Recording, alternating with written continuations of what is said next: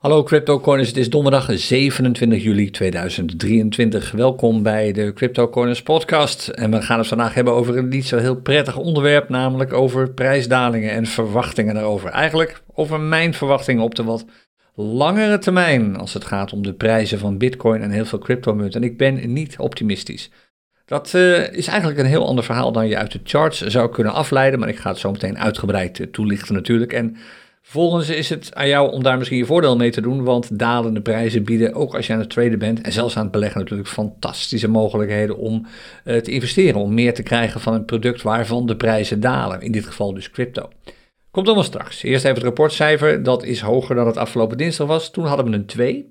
Nu schrijven we een 5 op. En dat komt met name omdat de heatmapper wat beter uitziet. De dagchart, de Bitcoin dagchart, is ook niet zo heel erg beroerd als je kijkt naar de prijsontwikkeling van de laatste paar dagen. En dat betekent dat we van een 2 naar een 5 gaan. Maar eerlijk gezegd, zo spectaculair is het natuurlijk ook allemaal niet. Het liefst wil je eigenlijk gewoon een paar dagen op rij uh, cijfers hebben die hoger zijn dan een 6. Ruim voldoende. En dat is al, ja, dat is eigenlijk sinds 2021 niet meer gebeurd. Oftewel twee jaar al niet. We blijven vrolijk afwachten. Ik kom hier zo meteen nog even op terug. Dan, voordat we dat gaan doen, eerst even wat nieuws. Eerst wat nieuws van onszelf. Ik zei het gisteren al in het café. Uh, is bezig met het opnemen van een cursus en een masterclass. Nou, de cursus heeft hij inmiddels klaar. Die heet Traden zonder emotie. Uh, een cursus die met name bedoeld is voor jou als je toch te vaak naar je eigen mening te last hebt van emoties zoals angst en stress tijdens het traden. Kevan vertelt je in die cursus precies wat hij zelf heeft ervaren. En dat waren ook best wel heel veel emoties. En wat hij voor een manier heeft gebruikt om daar min of meer permanent van af te komen. En de link zet ik ook wel eventjes bij de show notes van deze podcast. is www.cryptocoins.nl slash cursus traden zonder emotie. Met streepjes ertussen. Daar vind je alle informatie over deze nieuwe cursus. Verder is Kevan bezig met het opnemen van zijn masterclass. Die komt eh, volgende week beschikbaar. Traden met derivaten heet die masterclass. Volgens mij is dat de werktitel, maar het zal wel in de buurt daarvan komen. Dat eh, komt allemaal volgende week wel. Dan even over Bybit. Um, ik kom hier volgende week nog op terug. Volgende week dinsdag, waarschijnlijk zelfs uh, in de podcast van dan. Maar er zijn onduidelijkheden over. Dit gaat trouwens niet. Dit geldt niet voor heel veel mensen, want er zijn niet zo heel erg veel mensen die via cryptocoiners besloten hebben om met Bybit te gaan werken. Een aantal mensen had waarschijnlijk al Bybit. Maar een aantal mensen heeft gebruik gemaakt van de referral link die wij hebben gepost tijdens de overstapweken. En wat blijkt nu? Uh, in eerste instantie kregen ze keurig een fee, een korting op uh, de commissie, die hebben ze betaald, maar dat stopt op een gegeven moment. En mensen vragen zich nu af waar die korting zit. En ik zeg heel eerlijk, wij vragen ons dat op dit ogenblik ook af. Het is extreem onduidelijk hoe dat zit. We zijn dit aan het onderzoeken. We gaan in gesprek, zijn eigenlijk al in gesprek met Bybit en we komen hier heel snel op terug. Uh, aanstaande dinsdag uiterlijk heb ik het hier sowieso in de podcast even over. Dat je het even weet, we zijn hier, ons, we zijn hiervan op de hoogte. Dit is alleen een Bybit probleem voor zover wij op dit ogenblik kunnen zien. En we werken hieraan. Dus dat komt allemaal volgende week. Dan donderdagavond, vanavond is dat trouwens, 20 juli.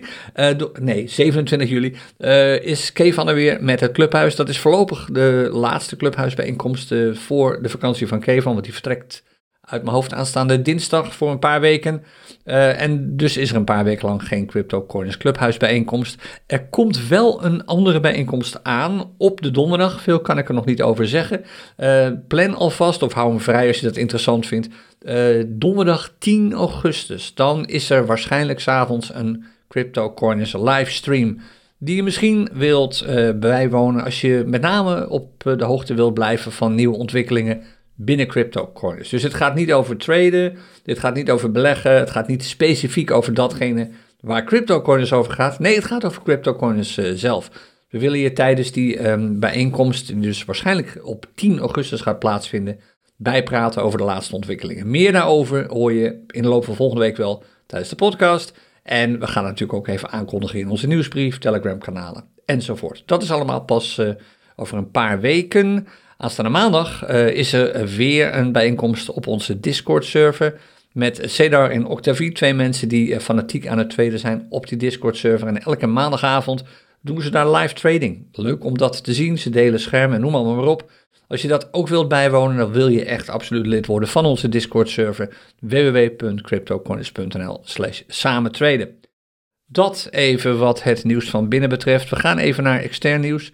Het is zomer, al te veel gebeurt er niet. Je leest allerlei korte nieuwsberichten, zoals het feit dat Singapore nu crypto, of met name bitcoin, ziet als bezit en niet zozeer als effecten en waardepapieren. Dat is goed nieuws voor een aantal handelsplatformen die bezig zijn daar, zoals Bybit. Komt weer Bybit. Toevallig goed nieuws voor Bybit. Verder het feit dat uh, eh, CC en Binance bezig zijn om een beroep aan te tekenen tegen, de, of eigenlijk gewoon proberen om de zaak die uh, de Amerikaanse autoriteiten hebben opgezet, de rechtszaak tegen hen te laten seponeren. Dan het nieuws van die Amerikaanse uh, mogelijke presidentskandidaat uh, Robert J. Kennedy, die 14 bitcoins heeft gekocht en die aan zijn kinderen geeft als zekere belegging in de toekomst, zoals je het zelf zegt. En dit is een democratische presidentskandidaat, moet je nagaan. Als er één groep is die in Amerika fel op dit ogenblik in ieder geval anti-crypto zijn, dan zijn het wel de democraten. Dit is een frisse wind. De vraag is natuurlijk, wat is de politieke agenda hierachter? Want meneer Kennedy is een presidentskandidaat. Ik kan me voorstellen dat hij denkt van, hier kan ik wel wat uh, zieltjes mee winnen. Dus hij heeft het voortdurend over bitcoin en hoe fantastisch het wel niet is. En dat het eigenlijk zou moeten worden gebruikt als borg voor de dollar, die er helemaal niet zo goed voor staat. Totaal antidemocratische geluid op dit ogenblik. Maar ja, alles is natuurlijk in de strijd om de kiezer. Nee, het, um, het echte nieuws is natuurlijk het nieuws van de Amerikaanse Centrale Bank. De Fed, die hebben gisteren een beetje met de verwachtingen mee de rente opnieuw verhoogd met een kwart procent. Er werd eigenlijk gedacht, omdat mensen natuurlijk krampachtig tussen de regels doorlezen, dat dit misschien wel de laatste verhoging is. Oké, we hebben in juni al geen renteverhoging gehad. Er komt er nog even eentje voor de vorm in juli en dan is het voorbij. Dat was wat mensen dachten. Nou, nu blijkt het toch allemaal wat anders te zijn. Een insider, ze zijn er altijd, mensen die graag met journalisten praten zonder dat ze hun naam bij het artikel willen hebben. Maar een insider heeft gezegd van, eh, dit is waarschijnlijk niet de laatste renteverhoging. We kijken eigenlijk al vooruit naar minimaal dit jaar nog twee renteverhogingen. En dat zou betekenen dat we dit jaar op een rente zouden komen van 6%, een Amerikaanse uh, vetrente. En uh, dat is sinds 2000 niet meer gebeurd. Het is zelfs nu al zo dat de rente 5,5% uh, hoger is dan we de laatste 22 jaar hebben gezien. 2001 was het voor het laatst zo hoog. Overigens, zometeen gaan we zien dat dat nou ook weer niet allemaal zo spectaculair is. Nog heel even wat uh, de rente betreft. Het gaat dus even niet over crypto nu, maar je zult zien wat de impact is hiervan. De Amerikaanse, de Europese Centrale Bank, de ECB, die hebben vandaag ook een aankondiging. Die zullen waarschijnlijk ook een renteverhoging gaan doorvoeren, want dat weet je zelf ook, je hoeft alleen maar even naar de winkel te lopen. De inflatie is ook in Europa verre van onder controle. En waar zowel de Fed als de ECB redelijk verbaasd over zijn, is dat het niet zo gaat zoals het normaal gaat. Normaal is het eigenlijk zo, en dit is langzaam maar zeker een bruggetje uh, naar het verhaal waar ik het even met je over wil hebben. Normaal is het zo dat als je de rente maar genoeg laat stijgen, dat dan automatisch de inflatie afneemt. En dat gebeurt nu dus niet. En er is een reden voor. Nou, daar komen we zo meteen op. Sterker nog, daar komen we nu op. Want ik wil het even met je hebben over de titel van deze podcast. En die titel is niet al te positief op dit ogenblik. Waarom de kans op een flinke daling van de Bitcoinprijs zo groot is? In ieder geval naar mijn mening. Nou, laten we eerst even uh, zeggen waarom het misschien niet zo groot is. Als je naar de charts kijkt, dan zou je zeggen: Nou, het valt toch eigenlijk allemaal wel mee. We hebben best wel bullish charts. De, de weekchart is bullish, de dagchart is bullish. Dat zijn toch positieve dingen. Klopt, die charts zien er best wel aardig uit. En als je even de scannerinformatie achterwege laat over de trends op dit ogenblik, dat is allemaal niet zo bullish. Dan ziet het er nog niet zo beroerd uit. Maar er is een ander probleem. En daarvoor kun je op dit ogenblik gewoon niet terecht op de charts. Want de charts voor crypto um, uh, assets bestaan gewoon te kort. We hebben pas, ja, hoe lang is het? We hebben pas 13 jaar crypto. En nog niet eens 13 jaar echt volop trade mogelijkheden. Dus de charts, de historie van onze charts is relatief kort. Die kun je niet vergelijken met de historie van bijvoorbeeld charts op aandelen en dergelijke, waar je veel meer data hebt. Of op goudprijzen en prijzen van andere grondstoffen. Dus we hebben relatief weinig data, waardoor je charts maar tot een bepaald niveau kunt vertrouwen. Het heeft wat te maken met trends. We zitten nu duidelijk in een seculaire trend op dit ogenblik. Als je de term niet kent, niet zo heel spannend, maar een veel langere termijn trend dan, laten we zeggen, negen maanden of een paar jaar. Nee, je wilt echt kijken over een trend van bijna een eeuw. En dan zie je dat we nu, als je naar de financiële wereld kijkt, afsteven op eigenlijk dezelfde situatie die we in de jaren 30 van de vorige eeuw hadden. Daar zijn we, naar mijn mening, al bijna. Ja, en toen was er nog geen crypto. En dat betekent dat je dus niet alles één op één nu uit charts kunt halen. laten we eens even hebben over de wereld buiten de charts om. Nou, geld, dat is geen geheim, wordt steeds schaarser. De rente die we op dit ogenblik, er zijn twee redenen voor. Allereerst de rente. De rente die we nu voor geld moeten betalen, zowel bij je eigen bank, maar ook de rente die banken moeten betalen bij centrale banken, die is hoog. 5,5 procent sinds gisteravond. Maar dat is hoog, maar het is ook weer niet zo hoog. Klinkt gek, want het is natuurlijk een hoop. Maar we hebben veel hogere rentes gezien. Als je iets ouder bent, dan kun je je misschien nog herinneren dat we in de jaren 80 een rente hadden van maar liefst, niet schrikken, 20%. Toen was de rente die door de centrale banken werd berekend en die banken dus moesten betalen 20%. Dus het kan nog veel heftiger dan dit. En waarom was dat? De centrale bank had die hoge rente toen nodig om de inflatie die toen heerste onder controle te krijgen. En dat lukte ook heel goed, want toen de rente zo hoog stond, kwam er meteen een recessie. En dat is eigenlijk hoe vervelend een recessie ook is. Ik kom daar zo nog even op terug. Een van de dingen waar je als centrale bank eigenlijk naar moet streven op het moment dat je met een oververhitte markt zit, wat we dus nu zitten. De inflatie is gewoon te hoog je ziet het als je naar de winkel gaat, je ziet het wat je ook doet. Je betaalt gewoon veel meer dan je een jaar geleden om deze tijd betaalde. Vaak dan je drie of zes maanden geleden om deze tijd betaalde.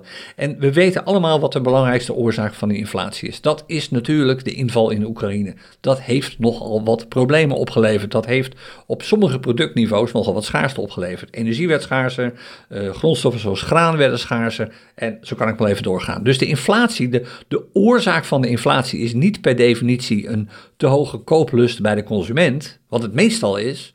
Nee, het heeft te maken met invloeden van buitenaf. Producten van buitenaf die wij nodig hebben om te kunnen leven, die worden steeds duurder. Daar heb je dus als centrale bank, waarbij je toch relatief lokaal opereert, je kijkt alleen maar naar je eigen markt, heb je, kun je weinig doen. Heb je weinig invloed op, nauwelijks invloed op en helemaal geen controle over.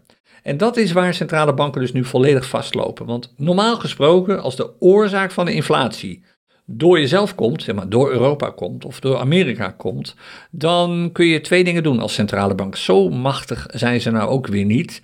Ze hebben maar twee opties. Ze kunnen minder geld beschikbaar stellen door bijvoorbeeld leningen die worden terugbetaald, dat geld niet weer opnieuw uit te lenen. Dat wordt ook wel verkrapping genoemd. Misschien heb je die term wel eens gehoord. En ze kunnen de rente verhogen. Nou, beide dingen gebeuren op dit ogenblik. Over die verkrapping hoor je niet zoveel, want dat, is, dat wordt vaak ook gestopt achter allerlei vaktermen zoals kwantitatieve verkrapping en dergelijke. Nou, als je die uh, quantitative tightening, ja, niemand die niet daar werkt is serieus met dergelijke termen bezig natuurlijk. Maar de renteverhogingen die zijn natuurlijk heel duidelijk. Nou, beide dingen gebeuren op het ogenblik, maar zoals gezegd, de inflatie blijft maar stijgen. Ik bedoel, het wordt wat minder, het is niet meer zo heftig als het is geweest, maar de inflatie is nog steeds hoog. Ten opzichte van een jaar geleden is alles toch weer duurder geworden, ondanks het feit dat geld steeds minder beschikbaar komt, het wordt verkrapt en ondanks die hogere rente. En als je vroeger economie hebt gehad op school, dan was dat een van de eerste dingen die je leerde. Als geld duurder wordt, dus als de rente stijgt, dan kopen mensen minder en dan gaat de inflatie naar beneden. Dan wordt de vraag minder en omdat het aanbod gelijk blijft, wordt alles dus goedkoper. En dat gebeurt nu niet. De rente blijft maar stijgen. En die inflatie is nog steeds hoog en die daalt niet echt structureel tot een niveau dat er mee te leven valt. En zelfs als dat nu zou gebeuren, dan moeten mensen eerst nog maar door de schok heen komen van wat er de afgelopen jaren is gebeurd. Fantastisch hoor, als de inflatie nu opeens naar 0% zou gaan, maar alles is nog steeds veel duurder dan een jaar, twee jaar en zelfs drie jaar geleden. Dus de betaalproblemen die mensen hebben om te kunnen overleven, blijven gewoon. Nou, dat levert dus problemen op. Het feit dat de rente maar blijft stijgen, de inflatie nog steeds enorm hoog is, zorgt voor een fenomeen dat geldschaarste wordt genoemd. Er is gewoon te weinig cashgeld. Mensen hebben te weinig cashgeld beschikbaar om die dingen te kunnen aanschaffen die ze gewoon nodig hebben. Dan praten we niet eens over luxe artikelen, we praten niet over vakanties en dergelijke. Nee, we praten gewoon over dingen van elke dag. Dat kan energie zijn, het is nu even zomer, maar het wordt straks weer winter.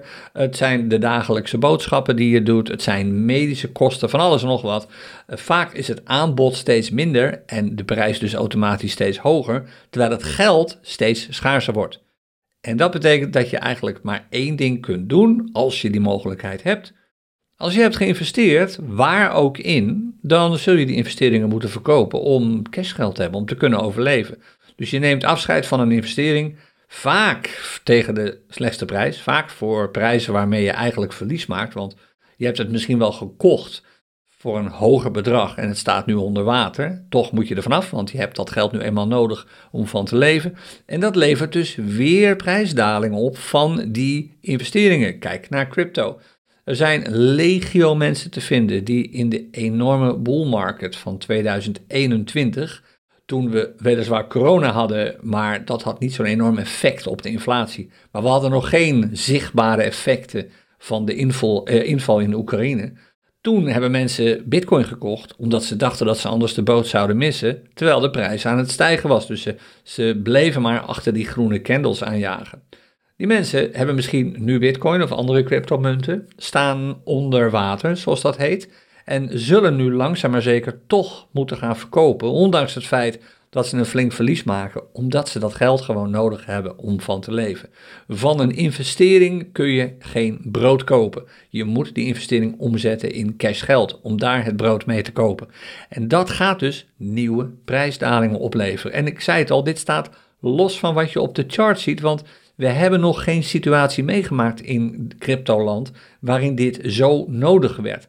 Maar als je terugkijkt naar prijzen van aandelen en prijzen van grondstoffen over de tientallen jaren heen, dan zul je zien dat dit patroon eigenlijk altijd optreedt. Op het moment dat de inflatie op zijn hoogst is, zie je dat mensen beginnen te verkopen. Ze zullen wel moeten. En op het moment dat de rente, en op, op zijn rente begint toe te nemen en de geldkrapte begint toe te nemen, zie je nog meer mensen gaan verkopen. Dus je ziet ze investeringen verkopen die eigenlijk al onder water staan voor die mensen, waardoor de prijzen van die investeringen nog verder dalen. En dat betekent dus, bij, het betekende bij grondstoffeninvesteringen, dat betekent bij de aandelen dat de prijzen kelderden, ondanks het feit dat de waarde van de bedrijven prima op orde was. Dus prijs is gewoon niet hetzelfde als de waarde van iets. je gaat het nu ook zien, in ieder geval naar mijn mening gaat dit gebeuren. De waarde van een bitcoin heeft niets te maken met de prijs ervan. Je kunt allerlei calculaties loslaten op eh, de waarde van bitcoin. Je kunt het stock-to-flow model bijvoorbeeld loslaten erop. En dan kom je nu ongeveer uit op een waarde van, het hangt een vanaf welk model je gebruikt van, eh, tussen de 45 en de 50.000 dollar. Dat is op dit ogenblik wat mensen zien als een logische waarde van een bitcoin. De prijs van bitcoin op dit ogenblik, terwijl ik het opneem, het is nu eh, donderdag 27 juli, we zitten nu iets onder de 30.000 dollar, 29.500 om precies te zijn. Nou, die prijs is veel lager dan de feitelijke waarde ervan. Maar ondanks dat, ondanks het feit dat de prijs dus al lager is dan de waarde, en iedereen eigenlijk nu gewoon die investeert en die kijkt als een investeerder en denkt als een investeerder, zou moeten gaan kopen, zeggen wacht eens even, dit is gewoon een uh, gebraden kippetje, zoals ik dat altijd noem.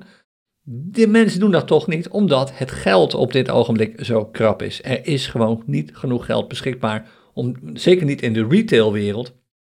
Wat zijn wij allemaal? Mensen die gewoon aan het retail traden zijn, die spot trading doen en ook beleggingen doen op spotniveau. Er is geen mogelijkheid om nu genoeg te kopen. Sterker nog, er zal eerder moeten worden verkocht. En dat betekent dus dat volledig onlogisch zou je zeggen als je achteraf naar deze charts kijkt over een paar jaar. Mensen hebben verkocht terwijl de prijzen eigenlijk lager waren dan ze horen te zijn en zelfs lager waren dan waarvoor ze oorspronkelijk hebben gekocht.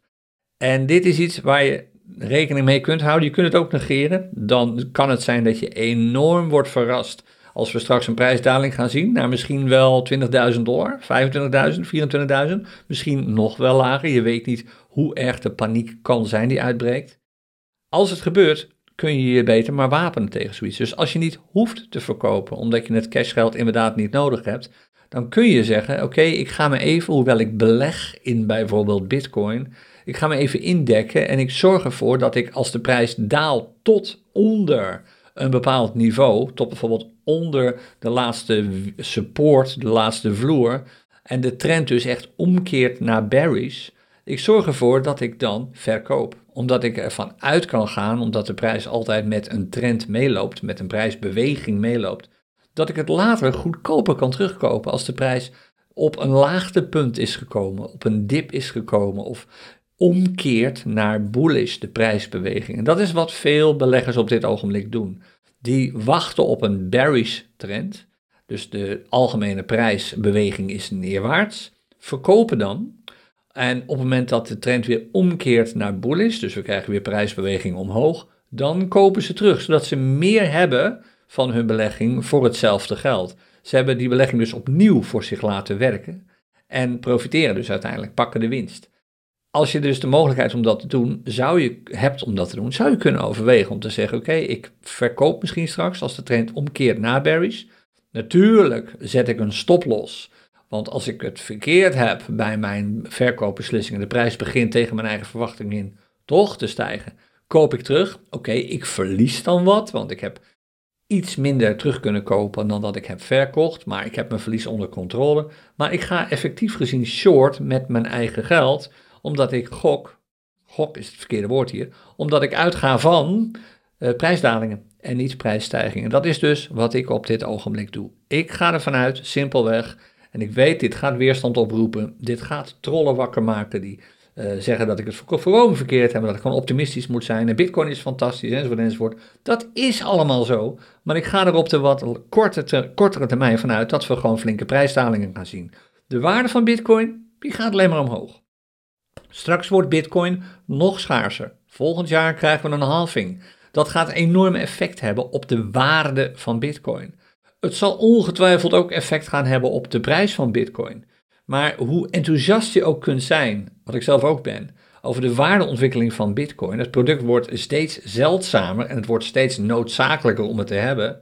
Er moet wel voor kunnen worden betaald. En als dat niet zo is, dan zul je prijsdalingen zien. Zoals het altijd gaat. Die in een wereld waarin er genoeg geld is, volledig irrealistisch zijn. Maar in de huidige wereld, naar mijn mening, totaal niet. Dus ik reken daarom niet op waardedalingen, maar op prijsdalingen. En ik zou je willen aanraden als je boos wordt als je dit hoort en je denkt van, ah, er klopt helemaal niks van. Kijk voordat je reageert eerst even of je echt het verschil helder hebt tussen de prijs van iets en de waarde van iets, want dat zijn twee verschillende dingen. Nou, stop dit dan nog een keer. Het antwoord is ja. En apart genoeg heb je daar iets voor nodig wat door centrale banken wordt gezien als een absoluut alarmsignaal, namelijk een recessie. Er zou naar mijn mening absoluut een recessie moeten komen. Om te beginnen komt die sowieso. Die komen we bijna niet meer onderuit, hoe lang het ook lijkt te duren voordat die plaatsvindt. Een recessie is namelijk voor een centrale bank het teken om in te grijpen, om wat te doen. En precies de andere kant op. Laten we eerst even over recessie praten, heel kort. Om ik wil hier geen economieles van maken, maar toch even heel kort. Wat is een recessie nou eigenlijk precies? Je hoort dat woord heel vaak. Heeft dat meteen impact op je leven? Vaak niet eens. Maar het is wel een belangrijk iets dat op termijn moet worden opgelost. Een recessie betekent eigenlijk het volgende. Bedrijven die investeren niet meer, of minder in ieder geval. En dat betekent dat bedrijven ook minder gaan produceren. Ze maken minder. Ze maken minder goederen, dus producten die je kunt kopen, ze leveren minder diensten die je misschien kunt afnemen. Denk aan een spoorwegmaatschappij die nog minder treinen laat rijden bijvoorbeeld. Een, zou een voorbeeld kunnen zijn van een effect van een recessie. Er is minder geld, dus er kan minder worden gedaan. Er kan niet meer worden gegroeid. En dat is het ene, ene kant van het verhaal. Bedrijven leveren dus minder diensten en producten. Maar mensen geven ook minder geld uit. Dus het aanbod daalt, maar de vraag daalt ook. En dat is een typisch voorbeeld van een recessie. Dan neemt de economie snelheid af. De economie vertraagt eigenlijk. En dat is een recessie. En dat, als dat twee kwartalen op rij gebeurt, dan zeggen centrale banken: nu is er een recessie aan de hand. En dan, en dat is dus een kwestie van twee kwartalen, daar wordt op gemeten. Tot die tijd gebeurt er eigenlijk niet zoveel. En dan kunnen uh, centrale banken maar opnieuw twee dingen doen om die recessie te bestrijden. Ze kunnen geld meer beschikbaar maken, dus die krapping, die verkrapping, sorry, van dat geld is voorbij. Het wordt dan juist versoepeld, dat wordt kwantitatieve versoepeling genoemd. En dat betekent dat de centrale bank gewoon geld toevoegt aan haar eigen balans. Want dat kunnen ze doen. Ze kunnen gewoon geld uit het luchtledige creëren. En dat geld gaat uitlenen tegen een, dan komt het volgende punt, lage rente. Dus er komt meer geld in de markt. En de rente gaat ook naar beneden. Als je dat doet, je voedt de markt met meer geld. Dan kunnen bedrijven dat geld, wat veel goedkoper is geworden en wat veel makkelijker beschikbaar is geworden, gebruiken om weer te investeren. Dus ze kunnen weer meer produceren, ze kunnen weer groeien. En omdat geld ook voor Jan met de pet, voor jou en mij, goedkoper wordt, kunnen we meer kopen. Dus dan creëer je weer het omgekeerde effect. Een herstel van die recessie, dus de economie komt weer op gang. En natuurlijk uiteindelijk onderaan de streep weer inflatie, die dan niet ontstaat door invloeden vanuit het buitenland, zoals we nu hebben meegemaakt, het verre buitenland of invloeden van buitenaf, oorlogen en dergelijke. Nee, die ontstaat door ons eigen gedrag. En dit is dus ook meteen het probleem. Op het moment dat je een situatie hebt waarbij een partij, en dat zijn dus hier onze centrale banken, naar believen geld kan maken en geld kan verbranden, word jij er uiteindelijk natuurlijk een slachtoffer van. En heeft zo'n partij, omdat ze zo'n systeem al eigenlijk hebben gecreëerd, een soort doos van Pandora geopend waar je nooit meer uitkomt. En daarom ben ik zo enthousiast over Bitcoin en crypto. Bitcoin rekent af met de mogelijkheid om dat te kunnen doen. Het is niet voor niets, los van het feit dat er natuurlijk echt wel een groot stukje verkiezingsretoriek in zit. Het is niet voor niks dat die Robert J. Kennedy zegt van ja, ik koop Bitcoin, want is eigenlijk het enige wat zeker is op dit ogenblik. De dollar kun je gewoon niet vanuit gaan, want ja, dat is een kunstmatig product geworden. Daar zit niks meer achter. Maar als we daar bitcoin achter zetten, als elke dollar die je dus hebt, als die wordt geborgd door een klein beetje bitcoin, dan kun je dat niet zomaar onbeperkt meer gaan bijdrukken en gewoon uit het niets creëren. Dollars en euro's, dat, dat is niks. Het is, gewoon kunstmatig geld, waar zoveel van of zo weinig van is als centrale banken nodig vinden. rare situatie en het creëert dus eigenlijk steeds grotere schokgolven. Zoals je nu ook ziet, steeds hogere inflatie, steeds grotere recessiemogelijkheden straks. Ja, daar wil je rekening mee houden omdat het effect heeft op heel veel en dus uiteindelijk ook op beleggingen. En dus ook absoluut op de prijs van crypto. Dus mijn verwachting is dat we misschien niet meteen, dat kan nog zomaar een half jaar duren, maar behoorlijke dalingen gaan zien. Waarbij geen prijs uh, niet heilig is. Het kan echt behoorlijk naar beneden gaan. Er zijn natuurlijk een paar vaste waarden. Je hebt de MA200 bijvoorbeeld op de dagchart lopen. Die staat nu ongeveer op de 26, 27.000 dollar. Je hebt ook een MA200 lopen op langere charts. Die staat een stuk lager. En je hebt ook nog te maken met chartpatronen enzovoort. Maar die zijn allemaal wat minder geldig, omdat we nog niet zoveel charts hebben. We hebben maar voor een, nog niet eens een decennium eigenlijk echt data. En wat ik net zei, de echte trend die je bij de aandelenmarkten wel kunt zien en bij de grondstoffenmarkten, die hebben we niet bij de cryptomarkten. En daarom moet je gewoon rekenen op een prijsdaling naar het kan van alles zijn. En dat kan ook weer, het stuit het ook weer terug. Want dit is niet, nogmaals, en dan stop ik er echt over, dit is geen waardeverhaal, dit is een prijsverhaal. Je kunt straks waarschijnlijk, als je de cash hebt, bitcoin kopen voor een schijntje, als mijn verwachting uitkomt. En daar ben je uiteindelijk heel blij mee, want Bitcoin zal waarschijnlijk, omdat duidelijk blijkt dat die positie van die centrale banken niet houdbaar is, zou wel eens een keertje de echte versie van goud kunnen worden waar iedereen straks naar kijkt. Daar ben ik nog steeds eigenlijk heel erg van overtuigd. Oké, genoeg hierover. Dit is dus de reden uh, dat ik um, uh, vermoed dat we flinke prijsdalingen gaan zien. Niet de charts, maar gewoon wat er om ons heen gebeurt en het effect dat nu langzaam maar zeker begint door te sijpelen als het gaat om beleggingen de cash need, zoals dat heet. Dan nog even naar wat uh, vragen en reacties. Eigenlijk ging het natuurlijk wat de reacties op ons platform betreft maar om één ding. Het ging om uh, WLD, de WorldCoin. Daar heb ik uh, afgelopen dinsdag even wat over verteld. er gebeurt van alles op dit ogenblik. Er worden, de wereld is extreem, aan de ene kant extreem sceptisch over WorldCoin. Ja, wat betekent dat dan precies voor privacy? Moet ik dan nog meer data gaan weggeven? Hoe betrouwbaar is het allemaal? hoe, hoe hoe erg kan hier misbruik van worden gemaakt enzovoort. Eh, de prijs van WorldCoin steeg trouwens op de dag dat ik de podcast erover opnam, maar is inmiddels wat gedaald. Dus als je hebt eh, gespeculeerd en je hebt wat winst gepakt, gefeliciteerd. Dat was een relatief makkelijk verhaal. Nu staat de prijs wat lager dan die van uh, begin van afgelopen dinsdag.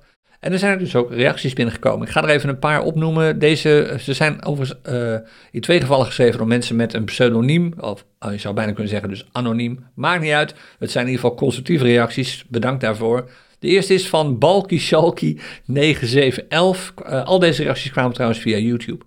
WLD zal hetzelfde pad behandelen, behandelen als ICP. Een mislukt project. Het is gecentraliseerd. En ze hebben een hoop airdrop gegeven. Ze gaan een hoop airdrop nog doen. Dus ik verwacht helemaal niks van deze coin.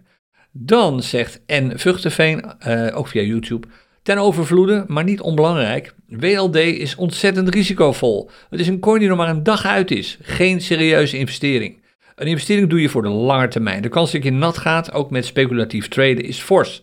Dat zien we ook vandaag. En dit schreef uh, hij volgens mij eergisteren. Toen zagen we dat niet, we zagen het gisteren wel.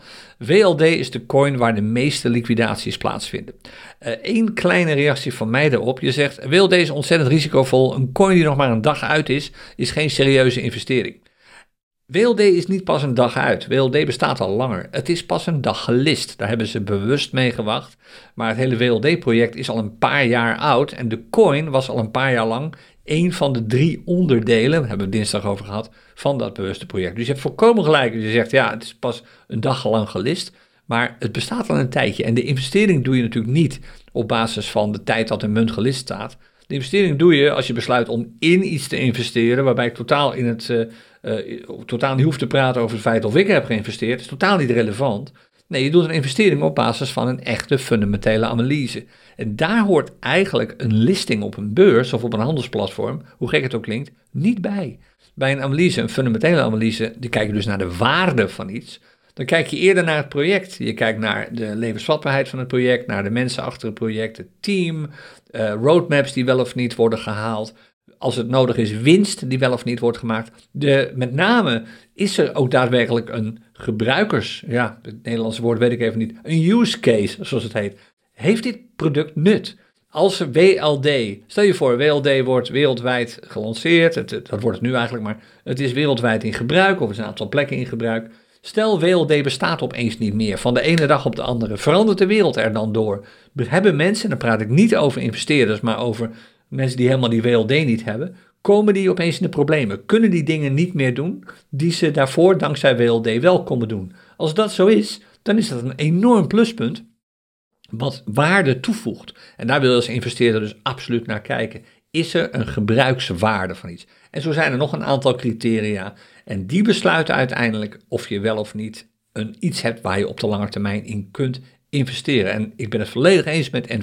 Veen als hij zegt: als die waarde er niet is, dan is het speculatie. En met speculatie, met speculatief traden, is de kans dat je nat gaat echt heftig. Zeker bij dergelijke projecten, absoluut. Dus dankjewel, ook jij. En dan de laatste, die was van Brightlight 6113. Uh, die zegt: Het is al erg genoeg dat mijn vingerafdruk in mijn paspoort staat. Ik ga niemand meer toegang geven tot mijn biometrics. En oké, dat is een mening, dank daarvoor overigens. Zelf denk ik, maar dat heeft helemaal niets meer met crypto te maken, dat het een kwestie van tijd is voordat die pasfoto, hij staat misschien nog in je paspoort over 20 jaar, maar het nut daarvan is niet zo heel groot. Misschien hooguit als je incheckt in een hotel. Ik denk dat je als je op de luchthaven incheckt of dat je een grens overgaat, dat er nog maar naar twee dingen wordt gekeken: naar je iris en naar je vingerafdruk. Want die twee kenmerken zijn nu eenmaal onlosmakelijk aan jou als mens verbonden en identificeren jou echt. Ja, en dan zal je ongetwijfeld uh, ook, ehm, hoe zeg je dat, ook gebruik kunnen maken via het WorldCoin project uh, van een identificatiemethode die juist op iris-scan is, uh, is gefundeerd.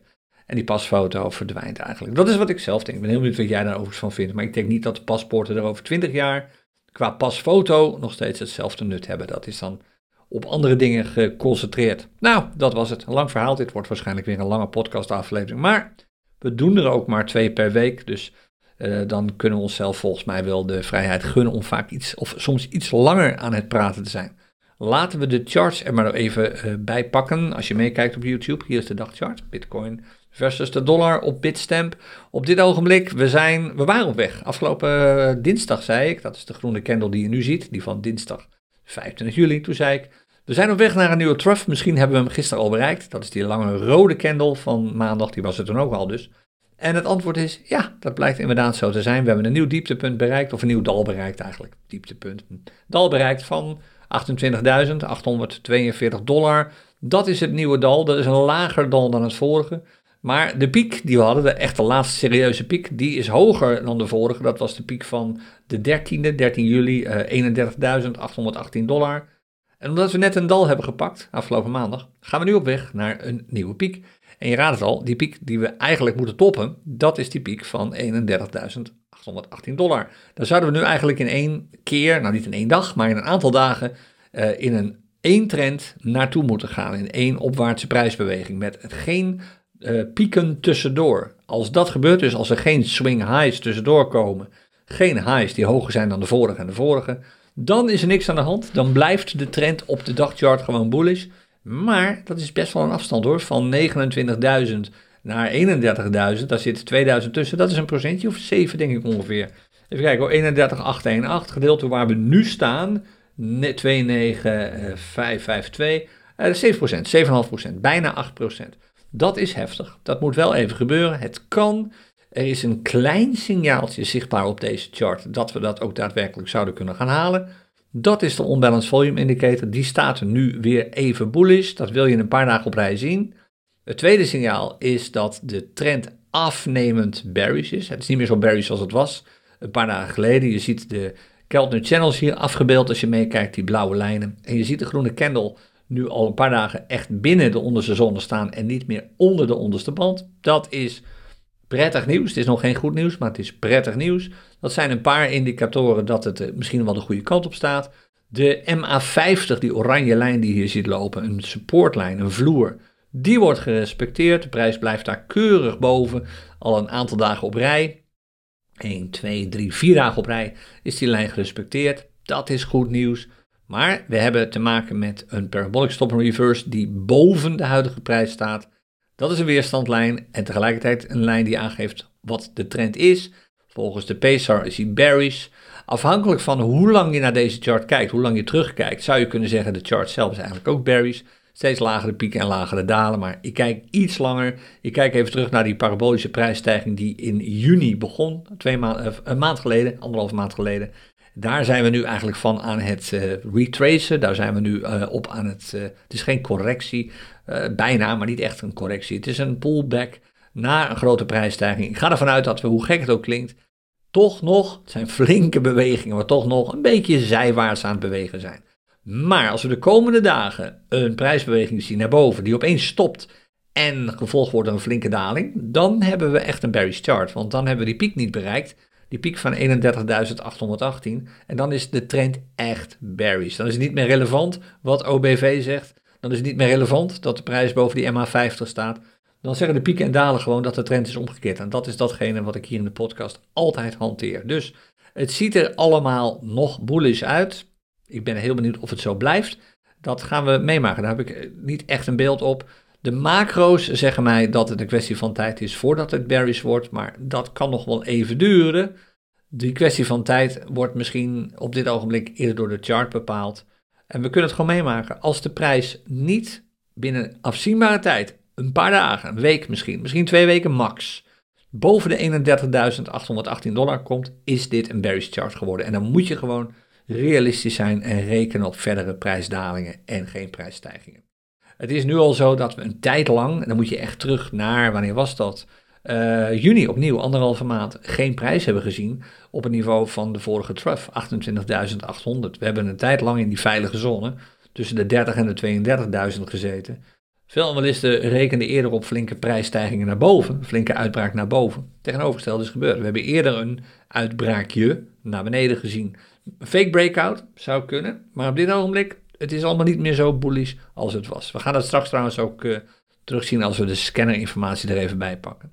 Op de wat kortere termijn, met name interessant als je natuurlijk aan het traden bent, hoe ziet het er dan uit? Nou, de Bitcoin prijs op de urenchart is, of de Bitcoin trend op de urenchart is, is omgedraaid. Die was bearish, die is nu bullish geworden. Je ziet hogere pieken, hogere dalen.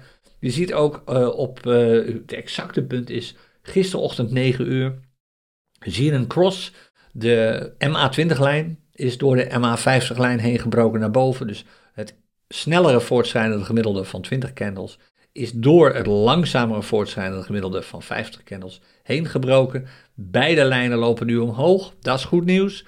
De prijs wordt of de onderste lijn, of sorry, de middelste lijn, die MA20-lijn, die wordt gerespecteerd. De prijs blijft daarboven, heel keurig.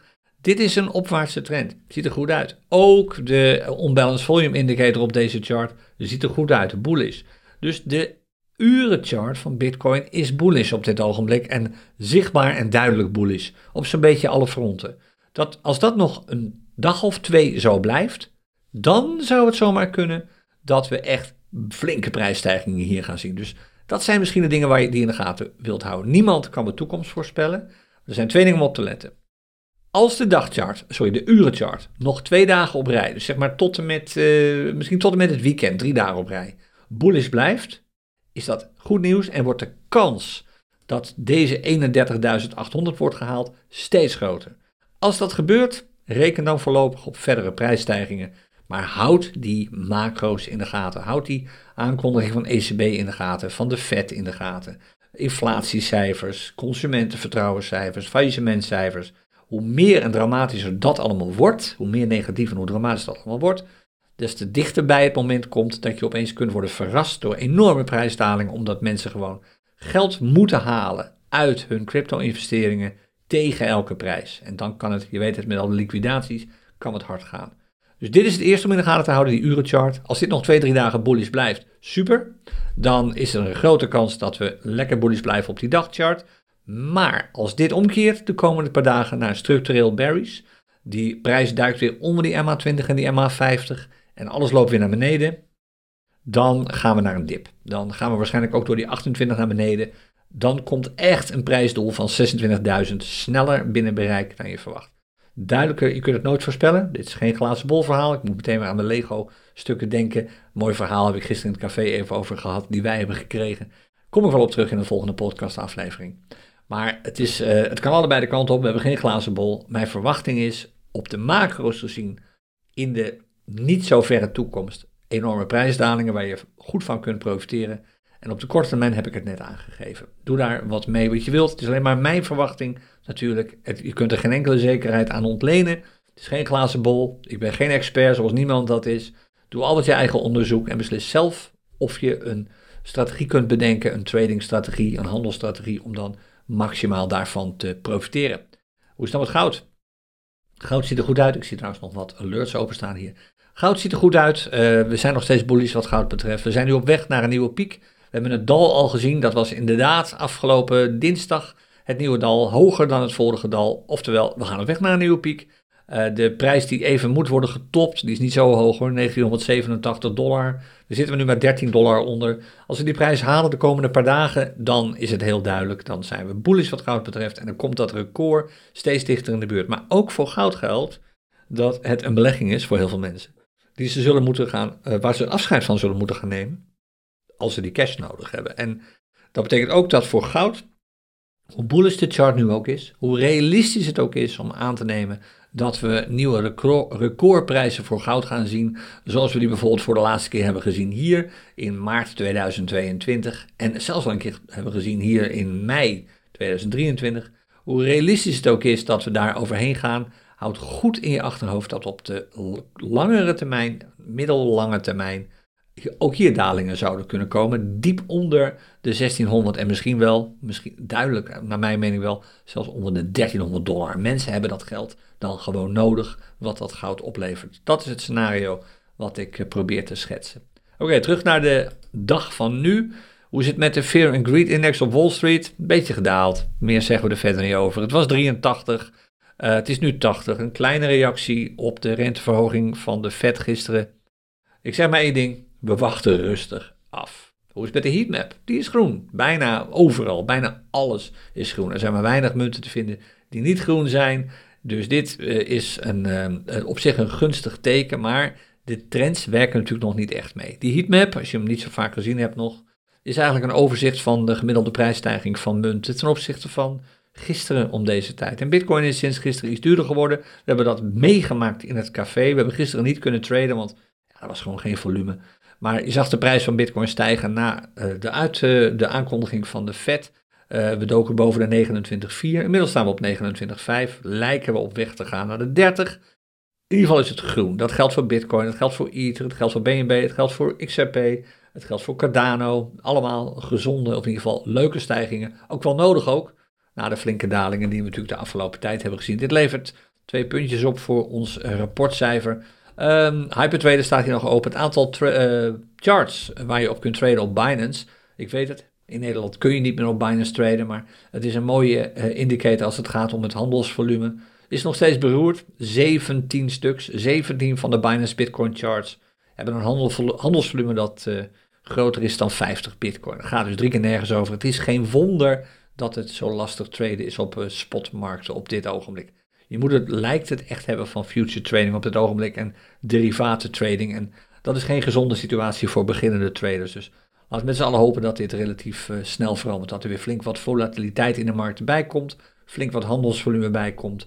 dan is het gewoon weer goed te doen. Maar ook dit is onderdeel van een, eigenlijk van een naderende recessie. Dit soort uh, klimaat. Hebben ook op aandelenmarkt hebben we dit ook gezien en gaan we dit ook weer zien. Nou dan, ik zei het al, de scanner. Hoe staat het ervoor met de scannerinformatie?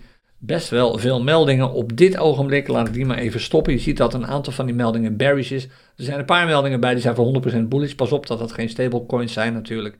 Maar uh, er zijn uh, absoluut wel wat muntparen te vinden waar je wat mee kunt. Het is natuurlijk alleen goed uitkijken. Dat zul je ook zien als we de trend erbij pakken.